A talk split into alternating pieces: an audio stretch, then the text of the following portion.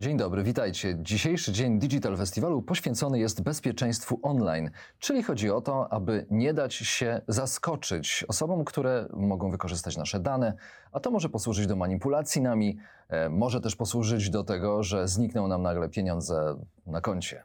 Nie chcemy do tego dopuścić i dlatego o bezpieczeństwie płatności w internecie e, do rozmowy na ten temat zaprosiłem pana Igora Zachariasza, dyrektora w Studiu Innowacji Wiza w Warszawie. Dzień dobry, witam Dzień serdecznie. Dobry. Dzień dobry. E, E-commerce rozwija się w sposób gwałtowny w Polsce. E, To jest wielki boom. E, Najczęściej właśnie w ten sposób łączą się nasze finanse z odbiorcami po drugiej stronie. To może od tego zaczniemy. Jak wygląda, jak przebiega płatność w internecie? Kto ją inicjuje, kto ją zabezpiecza na jakim etapie i e, kto ma jaką odpowiedzialność? Mhm. Może, żeby uprościć, opowiem, jak wygląda płatność w takim e, życiu realnym, a ona co, co do zasady wygląda bardzo podobnie w internecie. To znaczy, ym, w momencie, kiedy kupujący chce zapłacić za towar i przykłada kartę do, do, do, do terminala, wtedy y, terminal, urządzenie i ta technologia, która stoi za, za, za terminalem, wysyła taką paczkę z danymi, ym, które opisują tą transakcję. Mówią, jaka karta została użyta do płatności, w jakim miejscu została dokonana płatność, e, ile, ile wynosi kwota oczywiście. I taka paczka z danymi wędruje y, do banku, który wydał kartę, którą została dokonana płatność, a potem bank przesyła ją do nas, do Visa.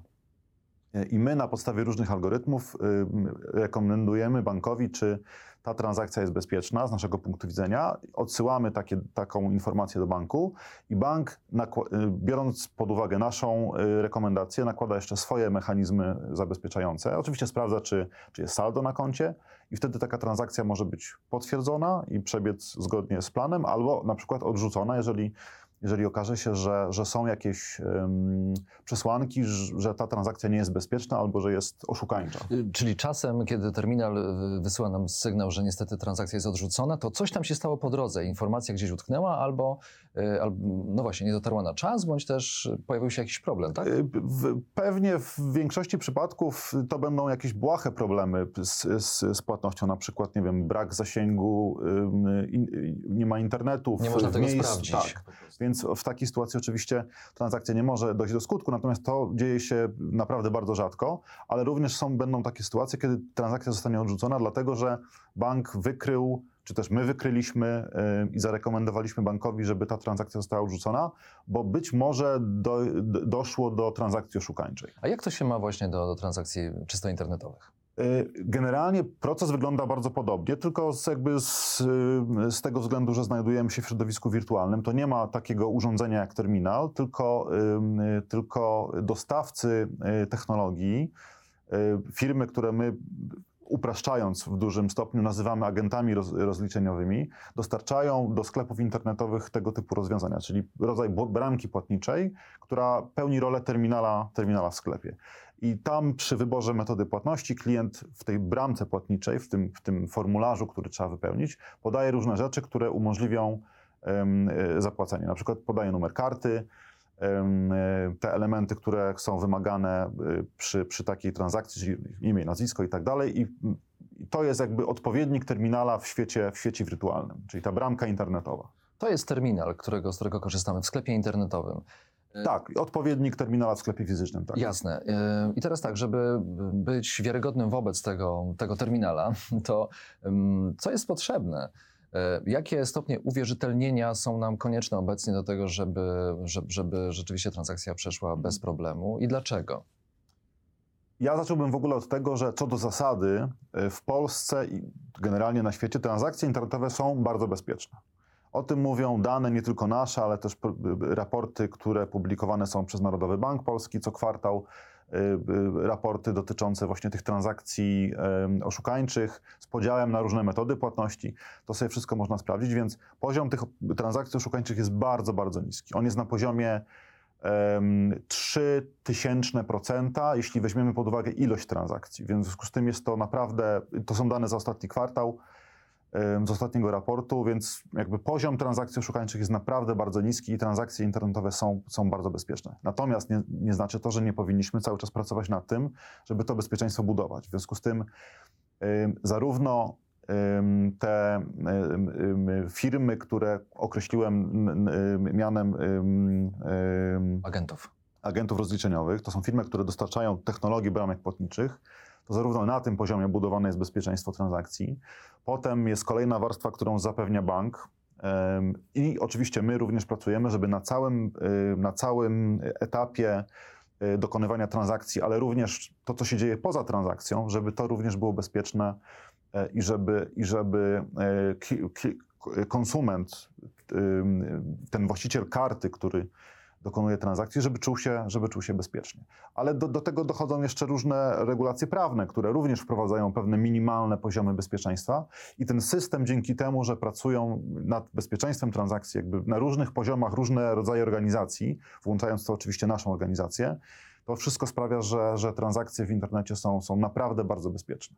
A mm, czy to nie jest tak, że transakcje zmierzają do uproszczenia, jak zresztą cały internetowy świat, cały digital świat, a z drugiej strony no też wzrasta mm, konieczność yy, coraz bardziej no, silniejszego uwierzytelniania, czy też, czyli wzrasta poziom bezpieczeństwa. I tutaj na przykład podpytam konkretnie już o face recognition. Jak pan to rozpoznawanie twarzy jako uwierzytelnienie, jak pan ocenia zabezpieczenie te, tego rozwiązania?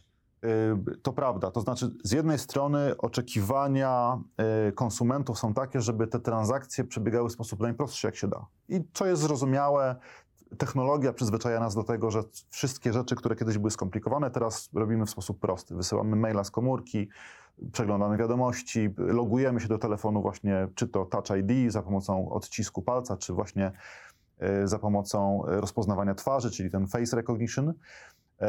I nasi konsumenci są przyzwyczajeni do, do, do upraszczania, i również ten trend widzimy w płatnościach, e, czy w ogóle w świecie finansowym, mówiąc nawet szerzej niż o samych płatnościach, E, ale jednocześnie my, jako organizacje, które powinny czu- i czuwają nad tym bezpieczeństwem, musimy spowodować, żeby upraszczanie, upraszczanie nie odbywało się kosztem bezpieczeństwa. I to jest jakby to, nad czym pracujemy na co dzień. Na to y, y, idą nasze pieniądze, nasz, nasz, nasz czas, y, żeby właśnie budować te mechanizmy w, w oparciu o, o bezpieczne mechanizmy. Natomiast co do zasady, same metody biometryczne, one są bezpieczne bardzo. Są bezpieczne, są coraz bardziej bezpieczne i możemy sobie wyobrazić, że, y, że y, dane biometryczne dotyczące odcisku naszego palca, czy właśnie cechy naszej twarzy, mają dużo więcej elementów ym, niż na przykład czterocyfrowy PIN. Takich jednostkowych, Tak. które są przypisane do nas. Tak, Tak, dokładnie są, tak. To jest bezpieczniejsze tak. niż PIN wręcz. Tak, jest bezpieczniejsze i co więcej, mm, zmienia się również percepcja naszych y, konsumentów. Y, Konsumenci coraz chętniej chcą używać metod biometrycznych do płacenia, dlatego że postrzegają je jako bardzo bezpieczne, a jednocześnie szybsze w używaniu, y, prostsze y, i takie bardziej naturalne. To znaczy posługujemy się tymi samymi ym, cechami, których ludzie używają do, do, chociażby do rozpoznawania siebie podczas rozmowy. Tak? To, są, to są bardzo naturalne rzeczy. Rzeczywiście, taki argument przekonuje. Rozpoznajemy się, się przede wszystkim po twarzy. A, mm, a chciałem teraz nawiązać do, do, do, do tego, do pracy zespołu, którym pan kieruje. Tutaj przypomnę wam, że moim gościem jest kierownik Biura Innowacji w firmie Visa. I co tam się dzieje w, w, w waszym zespole? Jakie innowacje szykujecie dla nas, jeśli chodzi o e, to właśnie przyspieszenie i zabezpieczenie płatności? Czy face recognition to jest ostatnie, ostatnie słowo? Y, Tak, ja mam to szczęście, że zajmuję się y, takimi projektami, które mogą być określane i są określane jako projekty innowacyjne, czyli staramy się, staramy się odpowiadać na zmieniające się potrzeby naszych, naszych konsumentów w sposób właśnie taki, który, który jest prosty, łatwy, naturalny. Ale jednocześnie przy zachowaniu wszelkich, wszelkich za- przy zachowaniu bezpieczeństwa. Ostatnim bardzo ciekawym projektem, y, super innowacyjnym, nie tylko naszym zdaniem, ale, ale mam nadzieję, że również zdaniem konsumentów, y, pracowaliśmy nad, pracujemy cały czas nad rozwiązaniem Visa Mobile. To jest, to jest zupełnie nowe rozwiązanie, którzy, które, ben, któ- które będzie mogło być przetestowane przez klientów, przez konsumentów w Polsce jako przez pierwszych na świecie. To znaczy, to jest. y, mm, Zaprojektowaliśmy jako firma rozwiązanie, które jest wdrażane w Polsce Jest to pierwszy kraj, który zobaczy to. jesteśmy to pionierami w nowym sposobie płacenia. tak. Zdecydowanie tak. Mm, No trudno nie dopytać o co chodzi, jak będzie to, to wyglądało, na czym polega mechanizm. Visa Mobile to jest y, innowacyjny sposób płacenia w internecie przy użyciu oczywiście aplikacji mobilnej. Y, Może to być albo aplikacja mobilna banku, który, który wydał naszą kartę, ym, albo nasza aplikacja. Y, i te aplikacje służą do potwierdzania transakcji, natomiast płacimy w internecie przy, przy pomocy numeru swojego telefonu, czyli wchodząc y, y, y, na stronę internetową sklepu, robiąc zakupy i jak chcemy już w ostatnim kroku zapłacić za, za, za, za te zakupy, to jedyne co musimy zrobić, to podać numer telefonu swój własny. I wtedy dostaniemy na, nasz, na naszego smartfona tak zwany push notification, czyli powiadomienie, że w naszej aplikacji bankowej oczekuje na nas transakcja do, do, do zaakceptowania. Otwieramy aplikację bankową, potwierdzamy transakcję za pomocą właśnie face recognition albo, albo, albo odciskiem palca i na tym kończymy proces płatności. Czyli tak naprawdę dwa kroki. Podanie numeru telefonu na stronie sk- internetowej sklepu i krok drugi, potwierdzenie tej transakcji e, biometrią albo PIN-em w, w aplikacji e, mobilnej, e, na przykład naszego banku. Wracając do głównego tematu naszej rozmowy, czyli bezpieczeństwa płatności online, zawsze ciekawiło mnie to, mm, jak wygląda ta niekończąca się rozgrywka pomiędzy bankami, firmami płatniczymi a hakerami. To znaczy, czy to jedna strona, wy, e, legalny biznes, macie tutaj inicjatywę tworzenia zabezpieczeń, a hakerzy muszą złamać, czyli oni starają się na różne sposoby to, to robić, czy odwrotnie, to hakerzy mają inicjatywę, oni wymyślają sposoby e, takie, na które wy reagujecie i wy mm, te zabezpieczenia mm, kształtujecie. Jak to jest? Posługując się y, tymi danymi, które między innymi y, Narodowy Bank Polski publikuje, y, o, o bardzo niskim poziomie transakcji oszukańczych przy transakcjach w internecie, ale nie tylko w internecie, również w takim środowisku realnym. Wydaje mi się że jednak, że to my tą grę wygrywamy i to my y, wyznaczamy, wyznaczamy poziom, wysoki poziom bezpieczeństwa. Sam fakt, że e, Visa e, w ciągu ostatnich pięciu lat wydała 9 miliardów dolarów na e, różnego rodzaju zabezpieczenia i na budowanie systemów zwiększających bezpieczeństwo, jakby pokazuje, jak bardzo poważnie traktujemy temat bezpieczeństwa. E, Również dzięki temu, że nie tylko my jako Visa pracujemy nad, nad bezpieczeństwem, ale również banki wykonują e, wspaniałą pracę e, i zabezpieczają swoich klientów tak, jak to tylko jest możliwe, to jakby wszystkie wysiłki i nasze, i, i naszych partnerów powodują właśnie, że dzięki temu ten, ten poziom transakcji oszukańczych jest bardzo niski. Czyli jakby ym, odpowiadając wprost na, na Pana pytanie, wydaje mi się, że, że to jednak my wygrywamy tą walkę i to my wyznaczamy y, y, pewien poziom, wysoki poziom bezpieczeństwa, Ym, a hakerzy próbują y, na szczęście, na szczęście mało skutecznie te zabezpieczenia łamać. Spróbujmy teraz e, pomóc naszym odbiorcom e, w jeszcze większym e, zabezpieczeniu transakcji w internecie, czyli odpowiedzmy sobie na pytanie, czego należy unikać przy mm, płatnościach e, właśnie online. Może warto też w tym miejscu powiedzieć, że, że y, y, taką, takie porady związane właśnie z bezpieczeństwem płacenia w internecie, y, czego powinniśmy unikać, jakie zachowania powinniśmy sobie wykształcić, jakby staramy się informować o tym naszych użytkowników y, bardzo szeroko. To znaczy, my jako Visa prowadzimy y, zarówno w mediach społecznościowych, jak i na naszym blogu taką akcję. y, ym, Nazwałbym to nawet akcją edukacyjną, ale to samo robią banki. Jestem pewien, że każdy, każdy konsument może na stronie swojego banku znaleźć taki poradnik, jak się, jak się powinno zachow- zachowywać w internecie. Więc ten aspekt edukacji, edukacji konsumentów jest bardzo istotny i to staramy się robić. Natomiast jak, jeśli y, y, y, pytają Państwo, jak powinniśmy się zachowywać w internecie, to powinniśmy pamiętać, że w życiu realnym nie przekazujemy na przykład kluczy od mieszkania komuś obcemu, tak? Nie, nie dajemy kodów i haseł do naszego maila.